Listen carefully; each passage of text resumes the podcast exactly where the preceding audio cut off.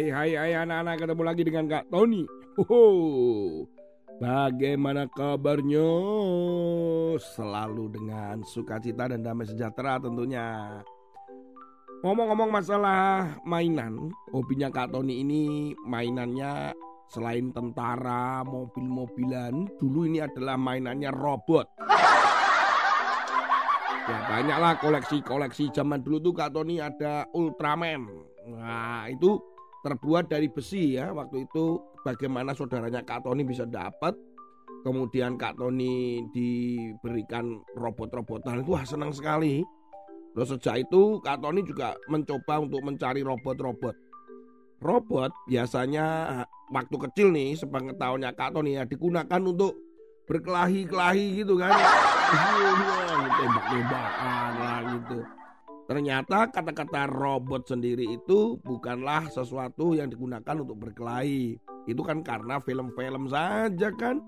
Nah, ternyata robot itu dibuat awalnya adalah untuk membantu manusia. Di mana sistemnya itu menggunakan teknologi-teknologi ya bisa saja internet, terus kemudian dengan dengan teknologi-teknologi mesin yang canggih gitu untuk membuat sesuatu di mana itu membantu manusia.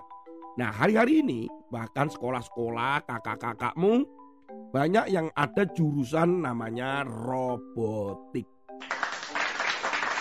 Atau mungkin kalian menemukan di beberapa sekitar ada latihan atau tempat kursus yang terkait dengan robotik.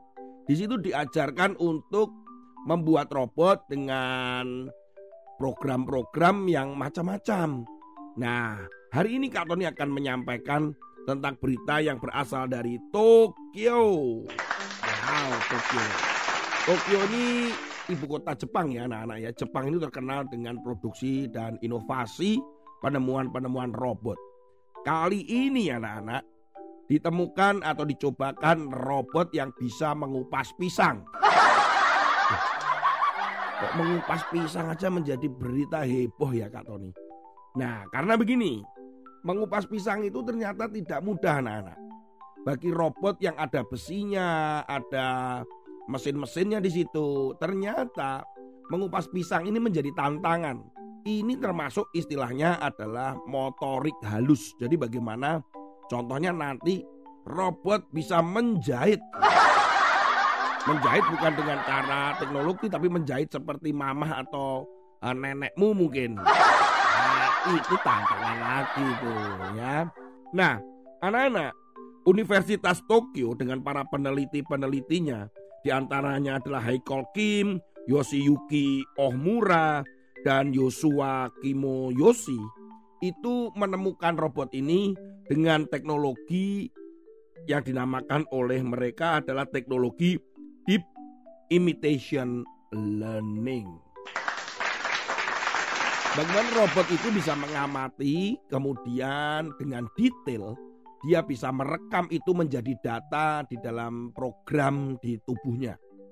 Sehingga apa yang dilakukan oleh orang dia bisa lihat, amati, kemudian dia bisa tiru dan menjadi data di dalam otak atau mesin atau chip di dalam robot tersebut. Dan dikatakan karena deep artinya sangat teliti sekali. Oleh karena itu bisa mengupas pisang seperti manusia mengupas pisang. Walaupun pengupasan pisang itu memerlukan waktu tiga menit. Tiga menit lama banget ya. Kalau manusia kan cet, cet, cet, cet, cet, langsung dimakan. Tetapi ini menjadi sebuah prestasi. Mengupas pisang tidak membuat rusak pisang atau isi pisangnya karena dia harus mengupas satu persatu. Dan ini menjadi sebuah prestasi awal di mana akan membuat robot-robot di masa depan lebih baik lagi yang bisa membantu manusia. Karena selama ini di Jepang itu masih mengandalkan tenaga manusia. Tetapi di masa-masa yang akan datang akan dipenuhi dengan robot-robot ya karena robot-robotnya tidak suka protes. Kalau manusia suka protes, robot nggak bisa lelah. Jadi dunia ini juga akan dipenuhi di masa depan itu dengan robot-robot anak-anak ya. Teknologinya akan semakin maju. Lah ke mana semua ini manusia-manusia ini? Kalau kita males-malesan tidak belajar, kita bukannya membuat uh, program atau teknologi robot, malah kita malah males-malesan dikendalikan oleh robot. kita selalu melihat masa depan anak-anak, kita harus hati-hati. Dan kita juga harus mempersiapkan masa depan itu dengan takut akan Tuhan selalu mempercaya bahwa Tuhan menolong dan menuntun kita. Firman Tuhan hari ini terambil di dalam Amsal pasal yang ke-19 ayat yang ke-20. Dengarkanlah nasihat dan terimalah didikan supaya engkau menjadi bijak di masa depan. Nah, nah, nah. Jadi dengarkanlah nasihat. Mungkin ada orang tuamu, ada gurumu, atau mungkin ada pembina rohani atau guru sekolah minggu, ada hamba Tuhan. Mengenai masa depan ini harus bagaimana sih Kak Tony gitu ya. Bagaimana kita harus bersikap? Teknologi yang seperti itu membuat kita harus seperti apa sih Kak Tony? Ada orang yang mengatakan bahwa kita harus bisa dan belajar, mudah belajar, cepat belajar, beradaptasi, mengikuti apa yang di menjadi kebutuhan manusia, misalkan begitu. Dan banyak nasihat-nasihat dan teknologi akan terus berkembang. Tapi satu hal yang menjadi pesannya Kak Tony untuk kalian tetap harus takut akan Tuhan dan bagaimana melakukannya semuanya harus tidak menentang firman Tuhan yang kalian renung dan kalian baca setiap hari seperti hari ini. Teknologi semuanya akan maju, semuanya akan ilmu pengetahuan juga akan semakin baik.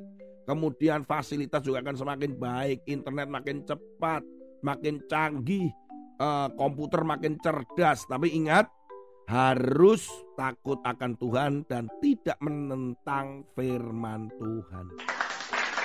Itu maksudnya Pak Tony. Jadi mari kita song-song masa depan dengan takut akan Tuhan. Dengarkan nasihat orang-orang tuamu, guru sekolah minggumu, pemimpin gereja atau gurumu.